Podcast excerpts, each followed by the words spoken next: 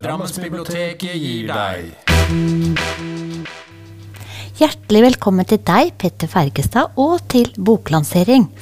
Dette er faktisk fjerde gang vi sitter her og prater sammen, så det har jo blitt nærmest en tradisjon. En god tradisjon, vil jeg si. Jeg tenkte at vi begynner med en liten presentasjon av deg. Du er noe så fint som doktor Tekken i elektroteknikk. Og så debuterte du ganske seint i livet. I 2016 kom boka 'Armageddon-algoritmen'. Og da ble du kåret til Forfatterskolens drømmeforfatter, og ble første utgivelse på Forfatterskolens forlag. Andre bok, 'Og himmelens krefter skal rokkes', kom i 2017. I 2019 kom tredje bok, 'Indras nett'. Og nå, i 2022, har din fjerde bok nylig kommet ut, 'Ibenholt-masken'. Du har også hatt filosofiske samtaler om temaer fra bøkene dine, både her hos oss og andre steder. Da med spørsmål som er virkeligheten en illusjon? Hvem er vi? Hvor skal vi? Er det vi ser, faktisk det vi ser? Du må sies å være en allsidig og nysgjerrig mann med i overkant frodig fantasi. I kveld skal hovedfokuset være på den siste boka di. NRKs anmelder Ola Hegdal skrev en morsom, god veldig entusiastisk anmeldelse som hadde overskriften Boka er en hybrid mellom en politiroman fra Drammen og en middels paranoid science fiction-saga. Og jeg vil si at boka er spekkfull av handling og har mange cliffhengere. Nå er vi spente på å få høre mer om denne boka, så vær så god, ordet er ditt. Takk for det, Britt. Ja, han skrev noe mer òg, han eh, NRKs anmelder, som jeg syns var besnærende. Han, eh, han, skrev at eh, 'jeg har lirket et sugerør ned i vår, vårt felles ubevisste' og avdekket et sært litterært landskap i spenningsfeltet mellom algoritmer og, og um, myter. Og det er vel nær sagt ikke så dumt sagt. Han er jo ikke litteraturanmelder for ikke noe. Eh, så det er jo i dette området mellom det bevisste og det ubevisste at jeg eh, egentlig trives. Og det eh, gjenspeiler nå den boka her òg. Handlingen, for å ta litt om den, da. Mm, jeg har jo ikke tenkt å si så mye, for ikke å røpe for mye. Men det begynner med at en innsatt i Drammen fengsel får en nær døden-opplevelse. Eh, I et eh, øyeblikks klarhet så ser han at eh, menneskeheten er i ferd med å utslette, seg selv. Og han har blitt utpekt til å forhindre det. Og det har han tenkt å mm, gjøre da, med å etablere et, et verdenskalifat. Et, et nirvana der, som man sier, ulven og lammet skal gresse side om side. En litt syrlig politimann sier at det er kanskje en ordning som passer ulven bedre enn lammet. Han vil begynne, da, denne mm, menneskehetens redningsmann, med å begynne litt i det små. Eh, begynner i Norge med denne planen sin. Og der har han tenkt å tilby alle statsløse palestinere et, eh, et hjemsted. For han, dette kalifatet vil jo, være, eh, ut, eh, vil jo utmerke seg med at det fins ingen grenser. Det er ikke noe å slåss om. Det fins ingen land. Litt sånn grenseløst nirvana. Og det er jo en del statsløse palestinere. Det er seks millioner. Men uh, sånn må det jo bli, at vi som har god plass, vi må etter hans tankegang slippe til andre som da sitter trangere. Mm. Og han har eh, regna ut at hvis det blir samme, skulle bli samme for befolkningstetthet i Norge som der disse palestinerne opprinnelig kommer fra, så, så vil vi kunne bosette 325 millioner. Mm. Så det er store perspektiver. Eh, samtidig så blir det da en serie med mord i Drammen. Folk forsvinner, og folk blir drept. Det har, eller har kanskje ikke, sammenheng med denne grandiose planen. Det er en forsker som har, mener han har skjønt hva det er som foregår. En genial hjerneforsker som er hardt plaget av mentale demoner. Han mener det er en mastermind som påvirker menneskene gjennom eteren. Og øh, får dem til å gjøre de handlingene som denne mastermind har bruk for. Politiet er litt skeptiske til denne teorien. De har sine erfaringer med denne forskeren. Han har vært i kontakt med politiet før. Dette er jo bok nummer fire i en i en serie, og de tre tidligere bøkene, der er han også. Uh, lite i den første, men mye i den andre og den tredje. Uh, på forskjellige premisser. Uh, han sliter med sitt. Og politiet har av og til måttet hente ham inn fra skogen, hvor han virrer rundt og flykter fra sine demoner. Ehm, så de er litt skeptiske til denne teorien. De har en mye enklere ehm, teori, eh, nemlig at det er han som står bak disse mordene. Det er han, og så er det ehm, kjæresten hans. En Masai-kvinne eh, med en eh, bråket fortid og med ekstreme ressurser. Og hvem vet?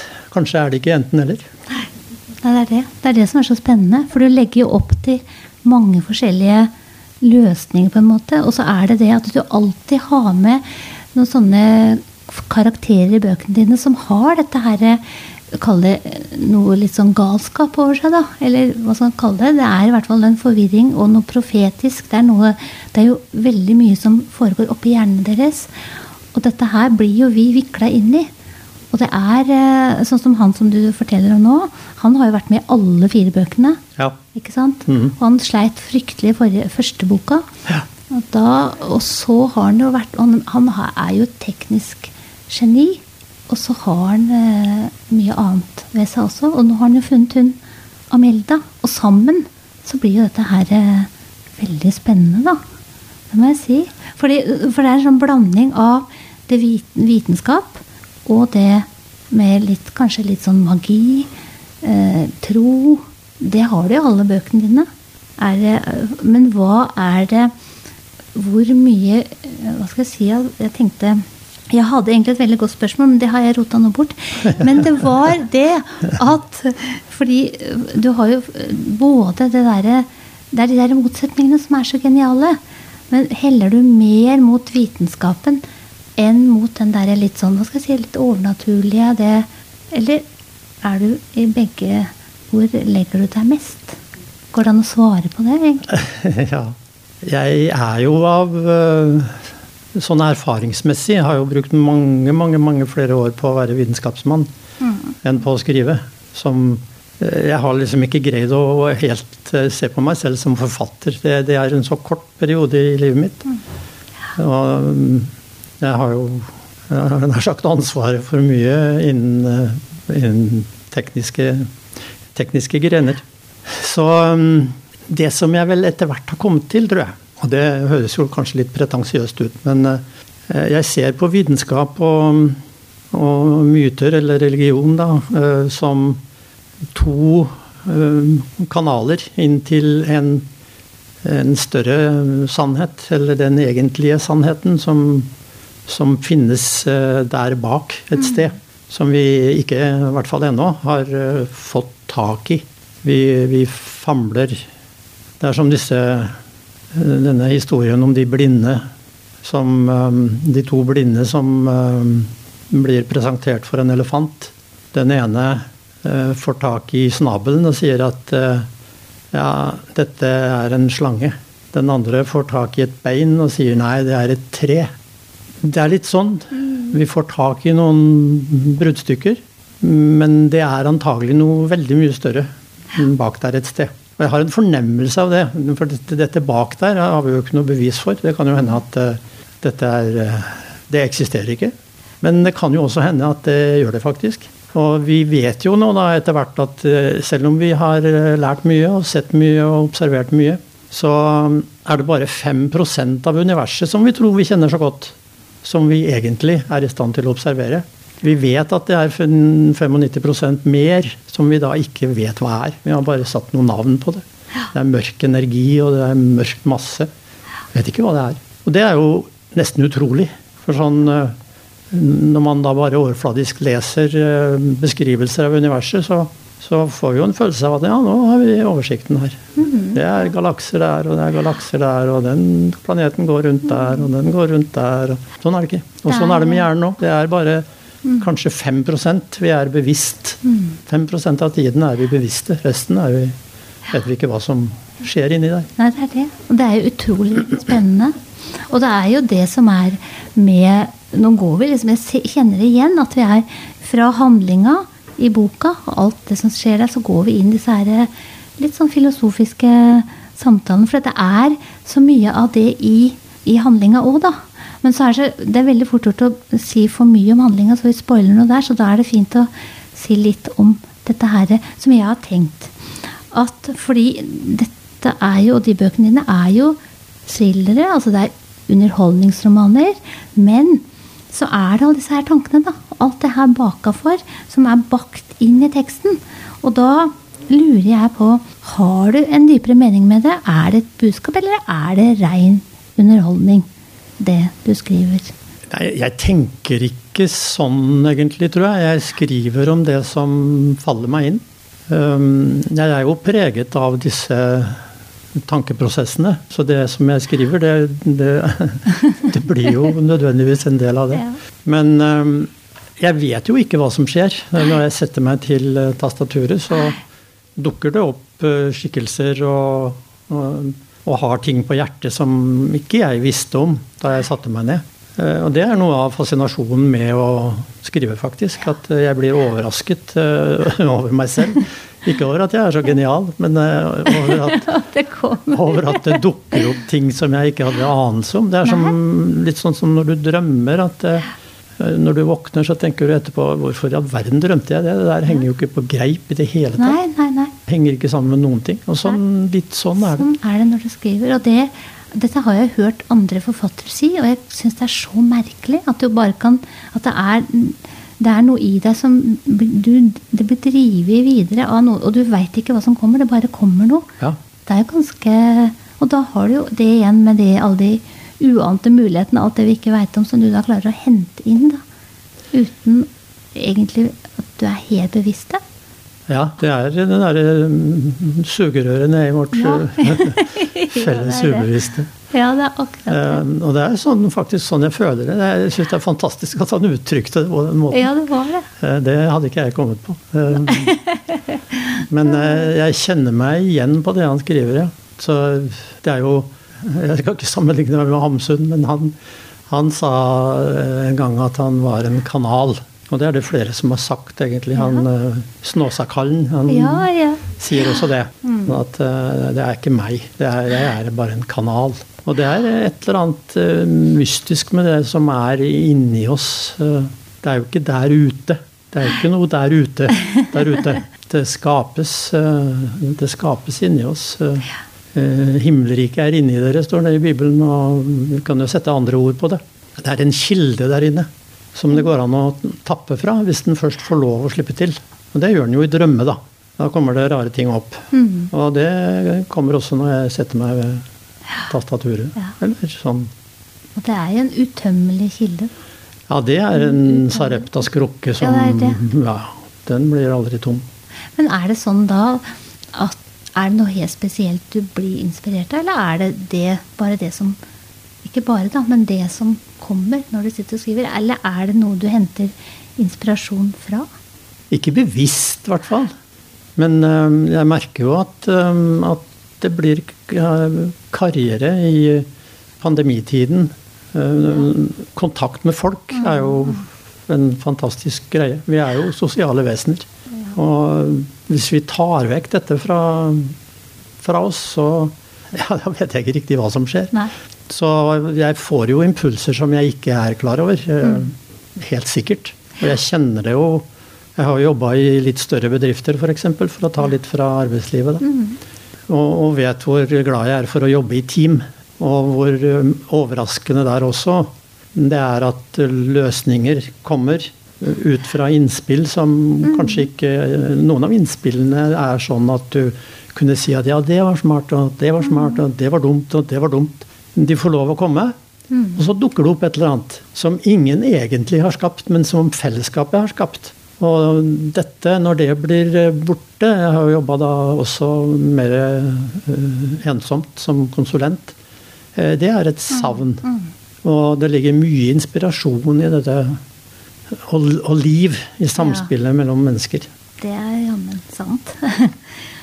Men skal vi ta Jeg tenker på det med Bare hente tilbake fra for, forrige bok, 'Indras nett', hvor vi For det, det, er jo der vel de der tankene til han doktor Pfeiffer, som han heter her, han profetiske Han som er en slags profet. Uh, ha, eller får en profetisk åpenbaring, er det han får. Mm. Ha, prinsen av Syria. Han var jo sentral i forrige bok, ikke sant? Ja. Og mye av hans tanker er det vel at han Pfeiffer har tatt til seg, eller uh, mm -hmm. tar jeg feil? Nei da. Denne åpenbaringen som uh, innsatte i fengselet, som mm. da heter dr. Pfeiffer, ja, fikk, det var jo å føre stafettpinnen videre i en ferd, en evolusjon nærmest, mm. som da prinsen av Syria hadde vært bærer av. Um, han så jo ut til å bli drept i den forrige boka. Ja. Um, på en måte så oppstår han igjen, da, i uh, han doktor Pfeiffer. Ja. Og han Pfeiffer han møter jo denne prinsen på et tidspunkt. Mm.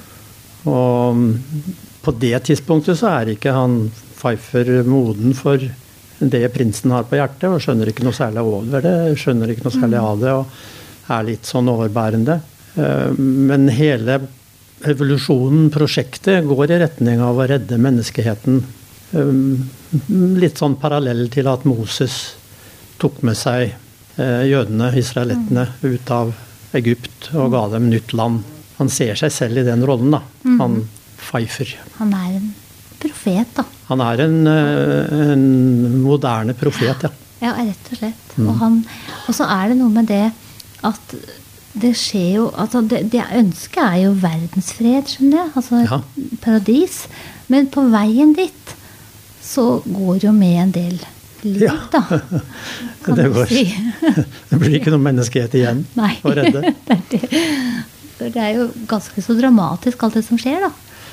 Ja, det er det som er, da. At uh, tankene Mange av tankene til de som gjør uh, onde ting, de, de er uh, De er ikke De er ikke onde.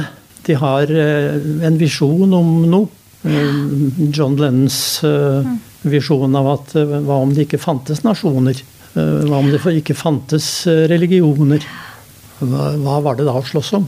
Og det, det, er jo på en måte da, dette verdenskalifatet. Der skal, og det igjen da, for å sitere Bibelen, der står det jo dette at uh, i et fremtidig nirvana eller i himmelen så skal lammet og ulven gresse side om side.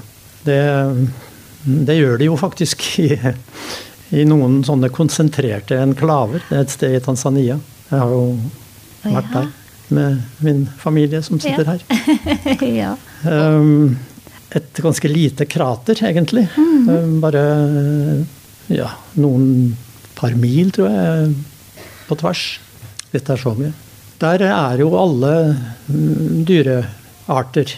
Der går løvene ved siden av impalaene. og det er ikke helt fred, da, for når løven blir sulten, så tar den en impala. Ja, det det. Men uh, men de lever tilsynelatende i fred og fortagelighet. De kikker på hverandre, og impalaen skjønner at ja, den løva der kan jeg kanskje passe meg for. Så flukter de litt unna, men det blir en balanse i et sånt samfunn som eh, kanskje er en modell det går an å, å forholde seg til. Det går an å leve med sterke konflikter. Eh, innimellom så går det utover Kroatia, eller av eh, et eller annet samfunn. Mm, mm. Men det er noe med den tanken med at det ikke fins grenser. da. Ja. At det ikke er noe å krige for. Det er eh, en besnærende tanke. Mm, og denne prinsen snakker jo om det, da. Ja, Du hadde funnet et sted ja, i boka som, som var, lese? som var relevant, ja. Ja. Jeg mente ikke Kroatia, jeg mente Ukraina. ja. Folk tar på seg briller for å lese, jeg tar dem av.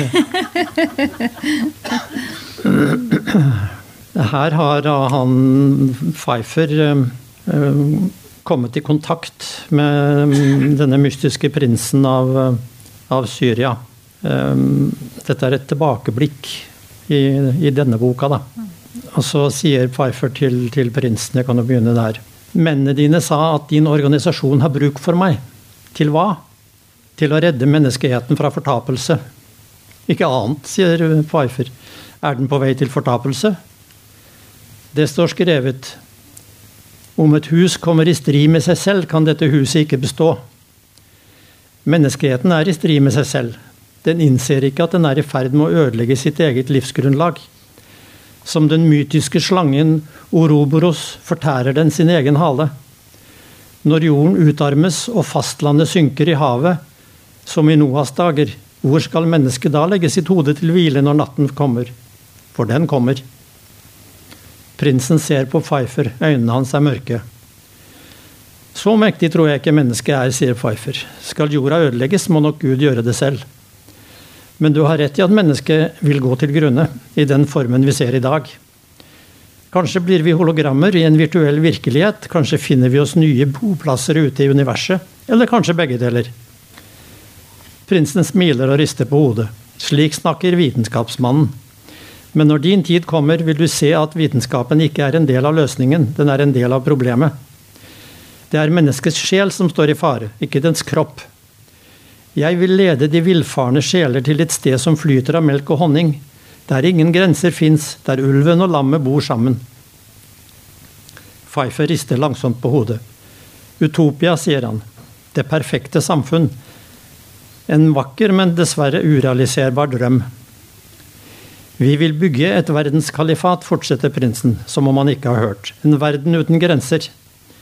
Det er absurd at mennesker skal lemleste og ta liv i kampen om fiktive skillelinjer på et ark papir. Araber og jøde er av samme art. Vi er alle borgere av kosmos. Skillet mellom oss er fiktive linjer på et papir. I ørkenens hvite sand er det ingen skillelinjer. Prinsen ser mot flyvinduet. Pfeiffer følger blikket hans. Solen glitrer i den sølvfargede flyvingen og kaster et underlig lys over prinsens ansikt. Det er som han blir forklaret. Da han snakker, er røsten lav og vibrerende. Den økende forvirringen i verden er forutsagt av de gamle profeter. Fiskeren kjenner tegnene og vet når tsunamien kommer og vil oppsluke jorden. Den utvalgte kjenner tegnene og vet når mørkets fyrste kommer og vil oppsluke menneskenes sinn. Tiden er kommet for det endelige oppgjøret, tiden for Armageddon. Prinsen reiser seg og legger hånda på Pfeifers skulder. Han kjenner varmen fra den gjennom klærne. En svak duft av parfyme ligger i luften. Ingen lyder kommer til dem utenfra. De er i en egen verden fylt av prinsens nærvær. Du skal lide og bli kastet i fengsel, sier han. Men frykt ikke. Lyset vil nå deg og vise deg veien til sannheten. Du skal se ting som nå er skjult for deg. Han fortsetter å snakke. Mannen vet ting om Pfeiffer som han ikke trodde noen kjente til. Knapt nok han selv. Det er ikke alt han er like stolt av. Og så er det jo sånn at eh, Pfeiffer tar jo opp i seg det her profetiske. Så han kan jo også forutse ting som blir brukt, da. Det virker jo sånn, da. Ja, det virker jo Ja. det virker jo sånn. Jeg vet ikke hvor mye vi skal gå inn på det, men han Svanstrøm i TV Drammen har jo en sentral eh, posisjon her. Og han tar med seg Pfeiffer som en sånn så, En som skal være med i programmet, for han skal komme med forutsigelser. Så skal man se om det da slår til. Ja, Det gjør jo det. det gjør det. Ja. Men man kan jo spekulere på om premissene er helt ærlige, da. Ja, det er det. Det er akkurat det. Kanskje de er det, Ja. kanskje er de Ja, ikke. kanskje. Det kan vi ikke Mm, Nei, det kan vi ikke si. si noe om her. Så dette er altså, også Det er hele tida sånne gåter her. Ja. Ja, det er det. Og så har du også eh, Bare si litt om det, for det syns jeg var så fascinerende i bok eh, den, eh, Og himmelens Nei, jordens Nei, himmelens krefter skal Himmelens krefter skal rokkes. Ja. Teslas jordskjelvmaskin. Ja. Bare si to ord om den, for han, den kom jo Den var sentral i forrige bok, og den er jo også egentlig det her. Mm -hmm. Vi skal ikke si for mye om det, men det er jo voldsomme krefter i, de, i feil hender, da. Er det Kan det kunne skjedd i virkeligheten? Akkurat det med Teslas jordskjelvmaskin og disse her kraftige bølgene den setter i gang? Ja, det er jo der eh, Det er jo det som er skrivestilen min, kan du si. At mm. det er en kjerne av uh, fakta. Og så tøyer jeg det da en del inn i det, det muliges verden. Ja.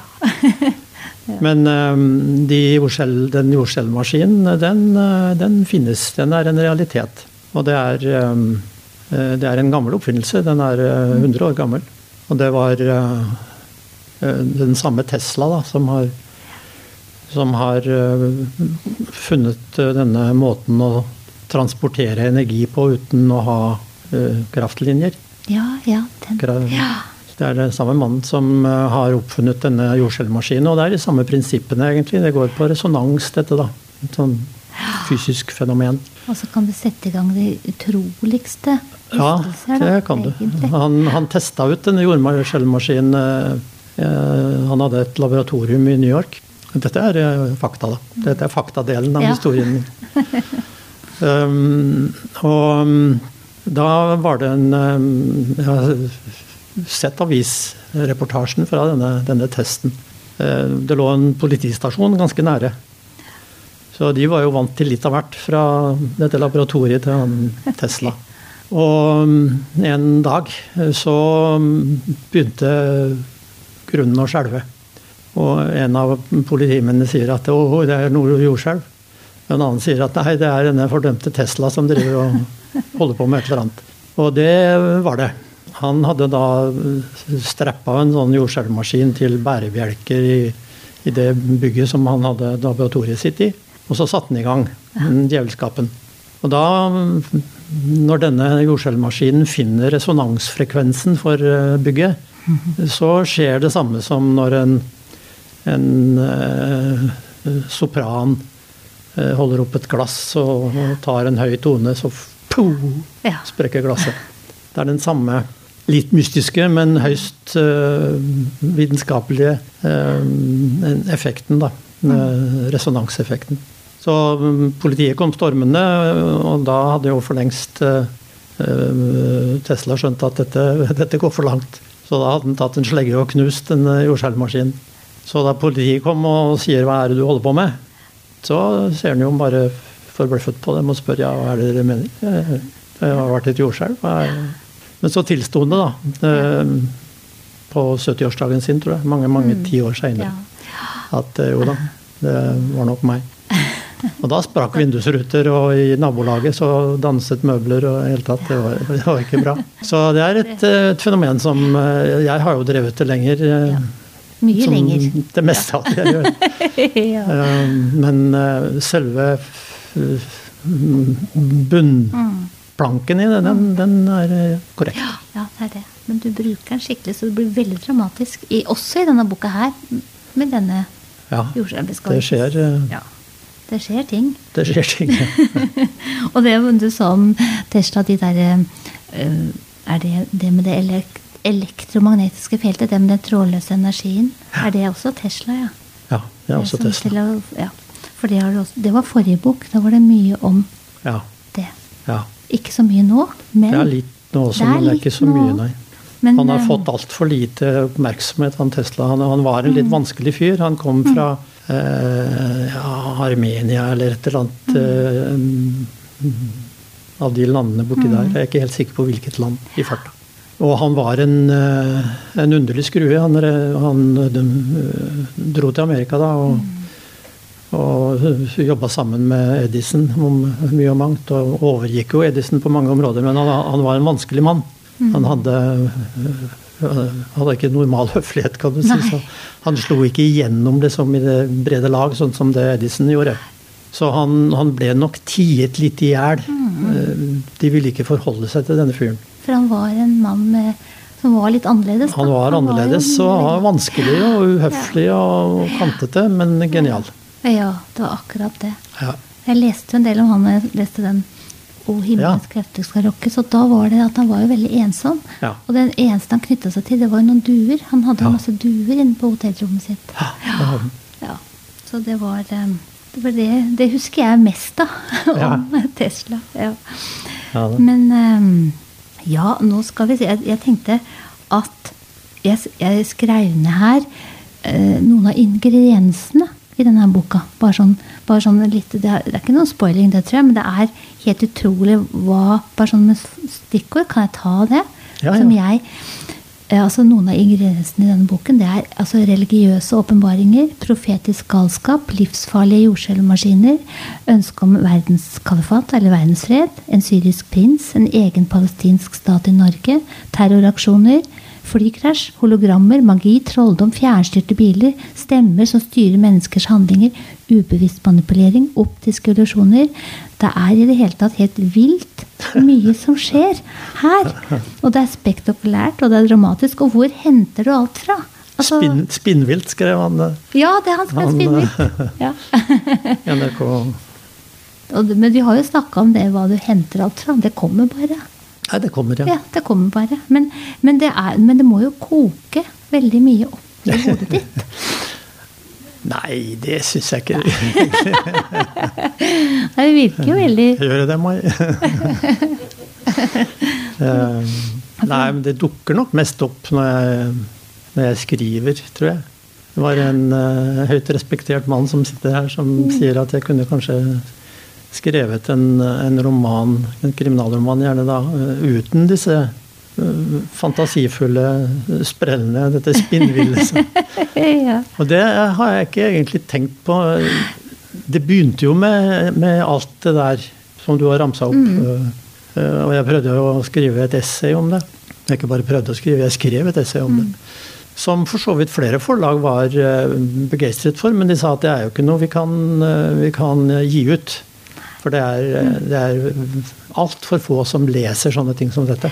Så eh, hele eh, krimkarrieren min, hvis jeg skal kalle det det, det var jo en, en, en måte å få ut disse tankene på, i en form som da forlag eh, kan tenke seg å utgi, for krimdelens skyld. Men det har nok vært en utvikling eh, som da ble veldig riktig påpekt her eh, av en klok mann. eh, At skrivingene mine har utviklet seg i retning av at dette ikke egentlig er så viktig lenger. Nå har jeg vel fått ut det meste av det jeg har av, eh, av sånne tanker og ideer, og, og, og trangen til å eh, Jeg skal ikke si misjonere, men, men, men si fra om at eh, virkeligheten er kanskje mye mer vidløftig enn det man tror. Det er, eh, den er en illusjon. Eh, Det fins ingen virkelighet, egentlig. Um, Men det har jeg jo sagt nå på såpass mange sammenhenger, så nå kan det vel kanskje være på tide å, å tenke litt i litt andre baner. Eh, Det er mulig. Det var i hvert fall en, en god idé. Ja. det er i hvert fall veldig spennende, den blandinga. Og det er ikke så mange som har akkurat den blandinga. Nei, det tror jeg er nokså Nei, det er det. Det og den skal du holde fast ved. Men det kan jo hende du ved siden av finner på noe helt annet også å skrive om, mener jeg. Ja, Tror du det? det kan absolutt hende. Mm. For det er jo For, for nå Det het jo at de tre første var en Ypsilon-trilogi. Ja. Men dette, denne boka her henger jo veldig sammen med de, så nå er det blitt en kvartett. Det er de samme folka, ja. Det er de samme folka. Men de står jo på egne bein, disse bøkene, så de behøver De- jo ikke lese alle. Men Nei, det er nok nei. en fordel hvis man gjør det. Så nå For alle det- parter. Ja. Ja, for det er spennende å følge sånn som han ene som har vært med i alle bøkene. da. Det er jo spennende å følge med på han. Ja, jeg er jo fascinert av denne, ja. denne blandingen.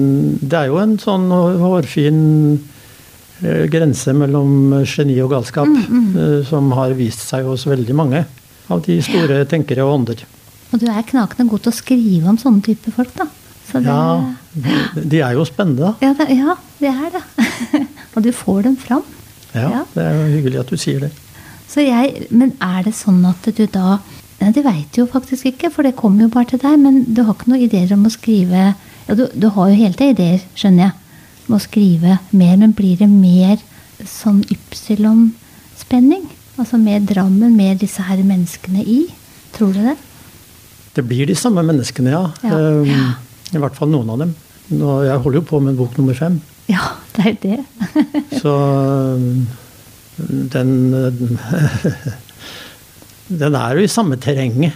Den er imellom, uh, imellom religion, myter og Der er vitenskapen på vikende front, må jeg si. Der er det nok heller uh, Foreløpig, i hvert fall. Jeg har jo ikke kommet så langt av gårde. Nei, Men, uh, nei, det er det. Du har akkurat begynt. Ja, jeg har Ja. kanskje skrevet en 50-60 sider. Får du, vil f.eks. Amelda, hun afrikanske, hun fra Tanzania, blir hun med? Ja, hun blir med. Ja, det er veldig bra. Ja, det er mange som liker henne. Fascinerende. Både mannfolk og kvinnfolk som liker henne. ja, det skjønner jeg. Og han eh, kjæresten hennes òg. Ja. Følger med. Ja. ja, men det er bra, altså. Jeg vet ikke, skal vi Jeg tenkte på sånn som man alltid blir spurt om, da. Når man eh, er forfatter. Jeg syns i hvert fall det er veldig spennende å høre sånne ting. Eh, sånne helt prosaiske ting som når man er forfatter. Og, og, og skal sette seg og skrive, så er det ja, Er det et spesielt sted man setter seg og skriver? Er det noe spesielt man må ha med rundt seg når man skriver? Eller er, åssen er du? Kan du skrive hvor som helst? ja, det kan jeg. Ja. Ja, det Ja. kan jeg. Jeg har ikke noen sånne fetisjer som, som Nei, må ha, nei. nei, det er ikke noe du må ha rundt deg. Du kan bare sette deg Det, ned. men det må nok ha litt ro. Det tar litt Ja. tid. Eh, Ting tar lengre tid, det merker jeg. Eh, Så alderen føler jeg ikke tynger meg, men jeg merker at ting tar lengre tid. Jeg er langsommere. Det leste jeg nettopp i, i, på nettet, at eh, de har forska på en million eh, mennesker. Og funnet ut at det er, det er feil, dette at, som man har trodd. At man når en topp. Hjernen når en topp sånn rundt 20-åra. Og så er det bare utforbakke resten av livet. Eh, Det stemmer ikke, har man kommet til. Den har kanskje en topp eh, sånn rundt 30-åra, men så flater det veldig ut. Og så er hjernen eh, like rask og like dyktig eh, helt sånn omtrent i 60-åra. Da begynner det å duppe. Men ikke egentlig i hjernekraft, men i, eh, i hastighet. Ja. Ting begynner å ta lengre tid. Og det er det jeg merker, jeg også. Hvis, eh, hvis jeg merker noe forskjell, så er det det. At det tar litt lengre tid. Men det er det eneste, for eh, kraften og alt det andre er jo der. Den Ja, jeg merker ikke noe forskjell. Men Nei. det kan jo være fordi jeg ikke har selvinnsikt. Det er jo fullt mulig. Men jeg merker ikke noe forskjell, nei. Jeg syns vel heller jeg blir bedre til å skrive. Og bedre Ja. til, å, til å vite hva jeg skal skrive og hva jeg ikke skal skrive. Og skrelle vekk det som ikke har noe der å gjøre. Og det er jo et yrke, dette òg, som alt Ja, mulig annet. ja, jeg greier jo ikke å se på meg selv som forfatter, som sagt, riktig ennå. Nei. Å nei. Eh, Det må jeg vel holde på ti år til før jeg antagelig greier å gjøre, men eh, Så du, du ser ikke på deg sjøl som det? Nei, jeg gjør vel egentlig ikke det. det er et, eh, jeg ser mer på det som et stunt, ja. Sier du det? Ja. men det er jo fire veldig gode bøker med masse innhold. Det Ja. er, du må jo si at du er en forfatter. Ja, ja. Så det, det er du jo. ja. Er det noe vi har Er det noe du vil si noe mer om? Jeg er liksom usikker på om det er noe, jeg, noe viktig jeg har glemt å spørre om. Kjempe... Nei, det er jo et dilemma det der, ja. egentlig. da, Hva skal man røpe, og hva skal man ikke røpe? Hva kan man si, og hva kan Ja, man ikke ja, si? ja, det er akkurat det. For det er, i og med at det er eh, Når du leser denne boka, så er det jo hele tida en ny cliffhanger på hver sånn, og da er det dumt å si noe om hva som skjer etter den. Ja, det for, det, for det er det som er spennende å lese, ikke sant? Å ja, nå er det, nå er det der Britt fortalte Ja, sier du. Å ja, nå er det det som skal skje, ja.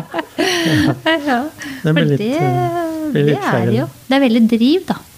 Hele tida. Ja, det er hyggelig at du sier det. Trenger du da når, du, når det er så mye som skjer, så har du noen sånne måter å slappe av på? Metode for sånn roen ned Jeg har ikke noen metoder, nei. Nei. Eh, Den Eh, det ser ut som hjernen min Det er naturlig for hjernen min, tror jeg, dette litteraturlivet. Jeg, jeg har spilt en del sjakk opp igjennom. Og det har jeg funnet ut at det liker ikke hjernen min. Å nei.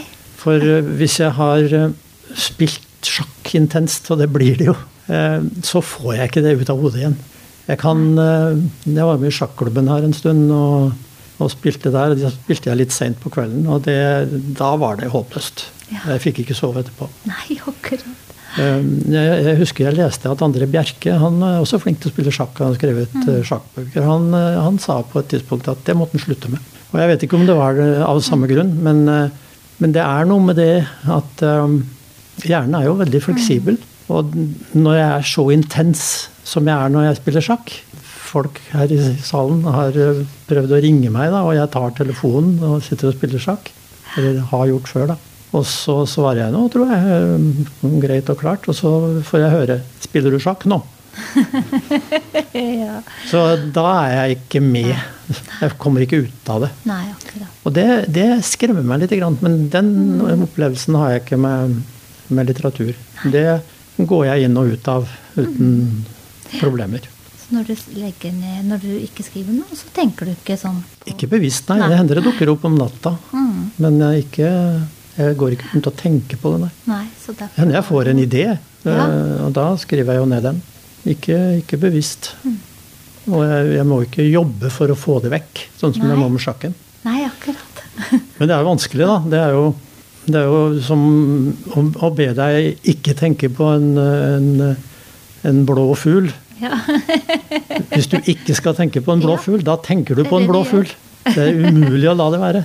Og det blir jo fysiske spor faktisk i hjernen av de tankene som du tenker og tenker og tenker. Og når du sitter og studerer et trekk, så det er klart du Det er jo sånn at jeg husker hele partiet etterpå. Eh, og det, plager meg jo. Jeg vil jo ikke huske det. Jeg, jeg vil ikke tenke på dette. Men det, det sitter fast. Så det er, helt, så det er en enorm hukommelse? Ja, jeg er ikke, jeg er ikke noen sjakkspiller. Altså de, de, som virkelig kan dette, de, de har jo hundrevis, tusenvis av partier i hodet. Du kan vise dem et, eh, en stilling, og de sier ja, det er den der, ja. Og da vet de hvilket parti, når det ble spilt, hvem som spilte det. og sånt. Sånn er ikke jeg. Så jeg er en dilettant når det gjelder i forhold til de som virkelig spiller sjakk. da. Så du vil ikke skrive en bok om sjakk, f.eks.? En sånn krimbok som akkurat har blitt så mye snakk om en som har Ja, han Johan Høst, ja. Høst, ja. ja. Ikke, nei, det ville jeg ikke ha turt. Det, det var et dristig prosjekt. Ja. En bok med 100 sjakkdiagrammer. Ja. Det var, det var dristig gjort. Hadde du, hadde du, gitt ut en sånn bok, Anne? Det hadde du, ja. ja. Men eh, nei, det, da hadde det jo gått, men eh, mm, Men det er ja. ikke det du skal konsentrere deg om? Nei, det blir ikke noe sjakkbok, nei. Det blir ikke noe sjakk. Nei, det gjør det ikke. nei. Den heter uh, forsøksvis uh, Saltstøtten. Neste boka? Ja. Saltstøtten. Så mm. vi mhm. kan bare glede oss? Er det Ja, hemningsløst. Hemningsløst. det er utrolig bra, da. Ja, det må jeg si. Vi kan rett og slett, eh, Skal vi rett og slett si at vi kan avslutte med det? At det er et godt råd å lese boka di og glede oss til neste bok. Det gjør vi. Mm. Tusen takk for at dere kom, og vel hjem.